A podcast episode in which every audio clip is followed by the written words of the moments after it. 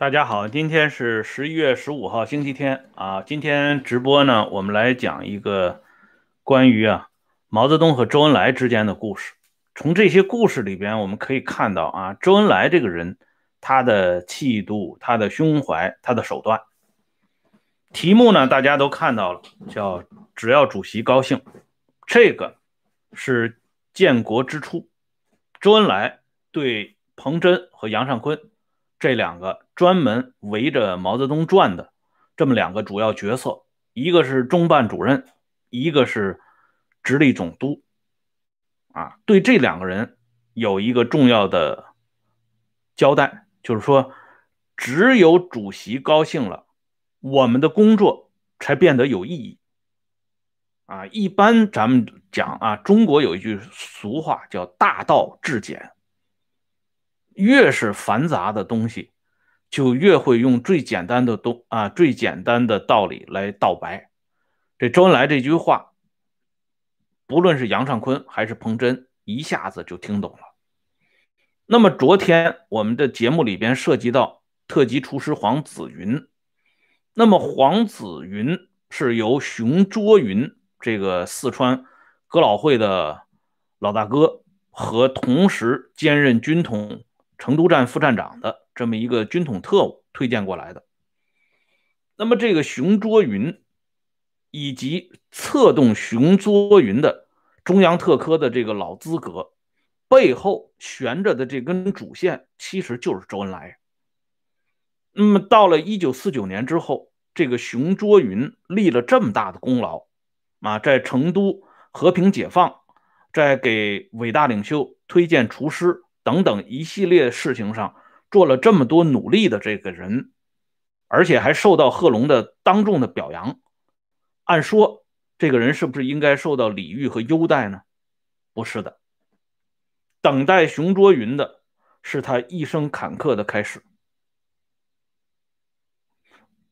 道理很简单，毛泽东早就下过令。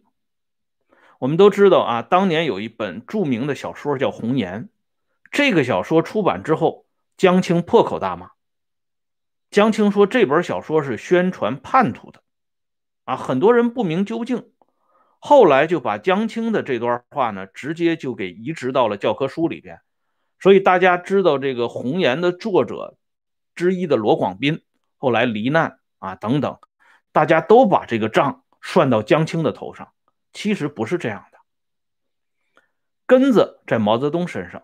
毛很早就下了指令了，对川康地下党，就是四川和西康这两个省的地下党不予承认。这个话是毛泽东亲口对李井泉讲的。这也就是为什么后来川康地下党的这些老资格，马师徒、萧泽宽这些人备受折磨的由来。李井泉、李政委对他们非常的不容纳啊！历次运动当中都要把川康地下党牵扯进来。川康地下党当时啊有两个主要的联系对象，一个是四川的袍哥哥老会，一个就是民盟，而西南各省主要是民盟的基地。如果承认了西南的地下党的作用，就等于间接承认了民盟的作用。而这个民盟，民盟这个组织，从一九四八年开始，毛泽东就已经开始打他的主意了。这么一个庞然大物，作为第三党出现，是断断不能容许的。所以毛一开始就对李井泉透了底牌：川康地下党绝不能承认。那么，熊作云作为川康地下党里边的一个重要的啊策反的人群，自然而然要受到种种的刁难。这个人后来啊，我给大家简单的介绍一下他的生活到了什么境地。他经过反复的申诉，这个中央特科系统的老骨干，就是后来担任中央外宾接待室主任的这个老骨干，向。上层反映，通过廖承志向周恩来反映，最终给熊作云确定了一个行政十六级的这么一个待遇，行政十六级啊，大家想想，也就是科长、股长这个级别，跟着这个党啊跑了这么多年，帮助党组织成功的运作了成都的和平解放，哎，影响了刘文辉他们的起义，结果最后是行政十六级。到了一九六六年，连行政十六级都没有了。因为熊作云这个人，他之所以能推荐黄子云进北京，其实也反映一个特点：这个人特别喜欢吃。不光他喜欢吃，他儿子熊泽亮也喜欢吃。他儿子熊泽亮后来在四川省第一任烹调协会担任理事，是四川省的一个杂志叫《四川烹饪》的副主编。啊，这爷俩呢都喜欢啊吃吃喝喝的这个事儿。于是呢，经常就在家里啊聊聊这些吃喝的事儿，可是不得了了，为什么呢？因为你聚众了。这个人本来已经被四川省公安厅给盯上了，然后呢，你又找一帮人在家里高谈阔论，我不管你谈什么，只要你弄一帮人在家里，我就有理由怀疑你是不是搞阴谋颠覆，所以就把这熊卓云。熊泽亮父子就给抓起来了，抓起来以后审了审，确实没什么东西啊，就是吃吃喝喝，就给放了。但是留下了个尾巴啊，这这对父子可能脑后有反骨，所以一九六零年一九六六年抓了之后，别人呢后来事情都做了个总结，就是给平反了，唯独这对父子没有放过。到了文革正式发动的时候。这爷俩又给抓起来了，这一次收拾的就非常厉害了。老爷子到底心宽啊，活了九十多岁，活到本世纪初啊才去世。但是儿子不行了，儿子到了上个世纪九十年代初，就因为在呃关押期间，呃身体被损坏造成的后遗症，早早的就去世了。哎，这就是军统里边。给党组织啊费劲卖力奔跑的熊泽呃熊作云父子的这个结局，但是前提别忘了恩来同志的那句嘱咐：只要主席高兴。那么下面呢，我们再来看一下具体承办黄子云进入到北京饭店，包括引入川菜到大会堂这一系列做法，离不开一个重要的角色廖承志。昨天我们讲过，廖承志。是廖仲恺的儿子，他老妈妈是何香凝。历史上，廖承志被所谓的叛徒出卖啊，被国民党抓过。抓了以后呢，这何香凝老太太直接去找蒋介石，说廖先生就这么一个骨血啊，因为老太太特别重男轻女啊。这廖承志呢，头两胎都是女儿，老太太就发威了，老太太直接当着。儿媳妇金普春的面啊，就说这样的话，说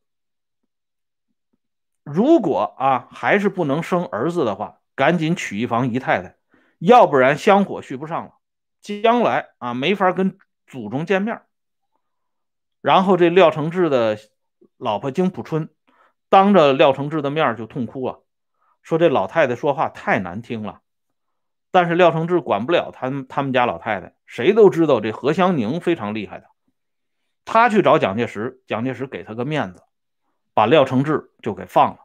要知道啊，廖承志是关押在歌乐山那种地方，如果没有蒋介石发话，廖承志就是九死一生。可是到了文化大革命的时候，廖承志就没这么幸运了。廖承志被弄起来以后，老太太何香凝。又坐不住了，她以为自己跟这个伟大领袖这关系非常非常之好，因为领袖在建国之初亲手搀扶着何香凝老太太啊坐下，然后呢听老太太在那儿叙述革命家史，老太太以为有这个旧交情在，那去找一下伟大领袖，把自己的儿子放出来，应该问题不大，所以他那个时候身体已经不方便了，要坐着轮椅。他就想上天安门，这个时候被周恩来给劝住了。周恩来说：“不能上天安门。”啊，因为现在革命如火如荼的展开，主席呢正在兴头上，你这个时候上了天安门，那主席不高兴怎么办呢？这事情反而办不成。只要主席不高兴，我们的工作就没有意义了。所以何香凝老太太知难而退，这一次再也不敢像当年当面斥责蒋介石那样，跟伟大领袖要儿子了。所以这儿子整整关了四年多。哎，当时就有人找康生，因为康生跟廖承志的关系是不错的，两个人呢经常在一起互相吹捧。所以那个时候就找到中央专案审查委员会副主副主任康生，说康老，这个廖承志呢。没什么事儿啊，一直让他们给压着。您老给说句话或者批个条子，这廖承志就出来了。康生来了一句话，康生说：“廖承志的事情我管不了。”就这一句话，就把廖承志为什么被弄起来的背景说出来一半。后来廖承志之所以给放出来，那是因为日本人来了。当时我们知道日本的佐藤内阁。对华非常不友好，所以当时中国急于通过日本的一些议员呢，包括民间的政治人士，疏通跟佐藤内阁之间的关系。而这个时候呢，日本的一个重要的友人叫木村的木村先生提出来，我想见一见廖承志廖先生。啊，廖仲恺先生的哲寺在哪里呢？周恩来一听。赶紧给廖承志先放出来啊！因为日本的木村先生要来了，所以把廖承志赶紧放出来。这样呢，廖承志就出来了啊！日本人救了廖承志，而且廖承志放出来之后，周恩来在一次啊领袖心情非常好的时候，把廖承志领到了领袖的跟前，领袖居然啊。一点都不改神色的问廖承志：“小廖啊，这几年你去哪里了？怎么也不来看我了呢？”然后廖承志就说了一句：“说廖承志说他被人家给关起来了。”毛泽东一听廖承志被人关起来了，然后就指着周恩来说：“这样的活宝难道也被关起来了吗？”啊，周恩来哈哈一笑，这个场景呢就过去了。这些事情呢是出现在《廖承志传》。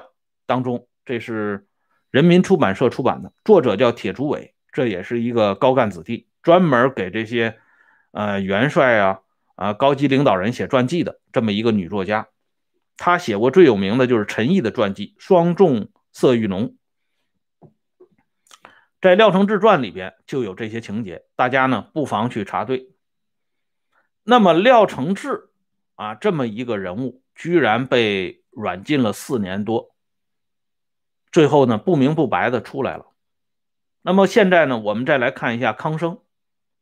我们都知道啊，康生这个人是作恶多端，啊，可以说是罄竹难书，至今呢还被死死的钉在历史的耻辱柱上。可是这个人为什么这么坏？或者说很多坏事是不是都是康生主动去做的呢？现在啊，通过对历史的检索，我们发现。其实不是这样的，康生同样是一个背锅的人，啊，正如硬币的正反面一样，他只不过是硬币硬币的反面，而硬币的正面是谁呢？就是中央专案审查委员会的主要领导人。我们不是一直在给大家讲这位1928年就跟随周恩来的特科骨干吗？因为他的原因。导致了熊卓云将黄子云送到北京来。这个中央特科的骨干，就是因为不满意李井泉打压川康地下党，他当面跟李井泉拍桌子，啊，把李井泉给骂了一通。因为这个人他的背景很深厚，他的后边是周恩来、董必武、叶剑英这样的人，所以他觉得我义正辞严的训斥一下李井泉，那有什么不行呢？就不行了。李井泉被骂以后非常恼火，给邓小平写了一封信啊。李井泉跟邓小平的关系是最好的，大家都知道啊。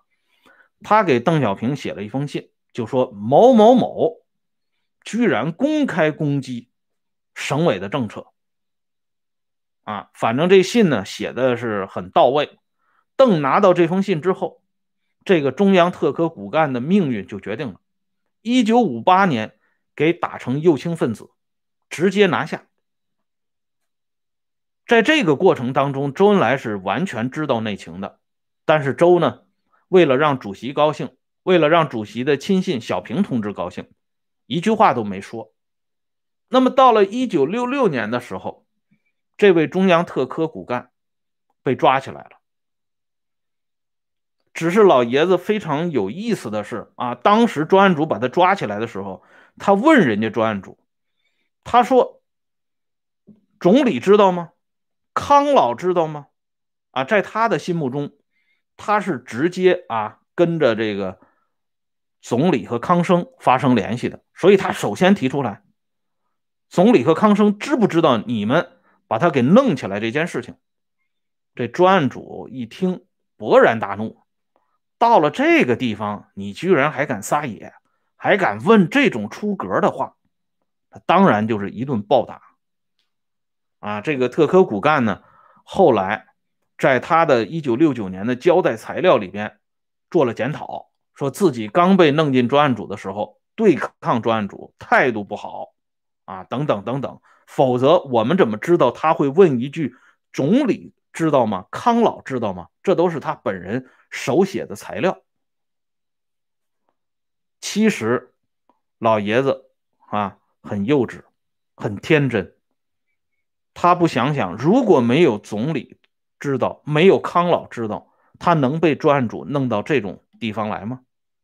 所幸的是，老爷子命很大。到了一九七二年，廖承志放出来以后，他通过家人辗转找到廖承志，廖承志帮他说了一句话，他才从这个困境当中被解脱出来。这是他最聪明的一个地方，因为他在里边之后呢。悟到了一个关键的节点，不能给总理写信。要给总理写信，那可能就再也出不来了。这里呢，我给大家举一个例子：当年曾经辅佐周恩来第三次上海工人武装起义的一个重要角色，在一九七三年的时候，在镇江江苏省镇江乡下，就给总理写了一封求救信。信发出之后不久，来了一个医疗队，从北京来的，穿的是军装，说给这老同志先治病后解放出来，然后就给这老同志呢就打了一针，打了一针之后，这老同志就去见马克思去了。这是家属啊，到今天都琢磨不明白的地方，说为什么就打了一针，这老爷子就人就不啊？这一点呢，恐怕只有天知道了。哎，所以这位中央特科骨干最终还算是命大，他悟透了一点，不能给总理写信。哎，所以最终是由廖承志把他给保出来了。可是另外一个人就没这么幸运了，这就是黄子云的师傅罗国荣。罗国荣老先生去世的时间很有意思，一九六九年。一月十九号，那一月份，一九六九年一月份发生了什么事情呢？一月份，中央专案组派出一个重要的人物，叫王鹤志。这个人的身份是护士，但真实身份是什么，至今没有人站出来解释。恐怕将来修这个《毛选》第六卷的时候，会有人出来说话的。哎，反正今天没有人说这个王鹤志。到贺龙家里，把贺龙所需的一切的急救的药品都给拿跑了。也就是说，贺龙从一月份这天起，他身边没有药品了。再出现问题，都是专案组给他送来的药品。这些药品是救命的还是要命的？那历史上已经写的很清楚了。所以，把罗国荣去世的时间。和贺龙遭难的时间，这两点一联系起来，恐怕有些问题就会很清楚了。只要主席高兴，我们的工作才变得有意义。那么接下来我就要给大家讲一下这个著名的国宝啊，语言大师，著名的相声演员侯宝林为什么会语出惊人？这侯宝林老先生有一段非常珍贵的回忆，出现在这本在毛泽东身边的小册子，由中共中央党校出版社出版，这是上个世纪九十年代出版的。侯宝林先生回忆了，他接受了一个重要的任务，这是彭真和杨尚昆交给他的重要任务。这个任务就是一点，只要主席高兴。哎，我不管你侯宝林用什么办法，你一张嘴，主席就得高兴。这是政治任务。那么侯宝林怎么完成这个政治任务呢？咱们明天。接着聊，感谢朋友们上来收看和支持啊！下面呢，我把温相说时政会员频道的链接给大家发一下，感兴趣的朋友可以加入这个频道啊，因为这个频道每天都会有更新。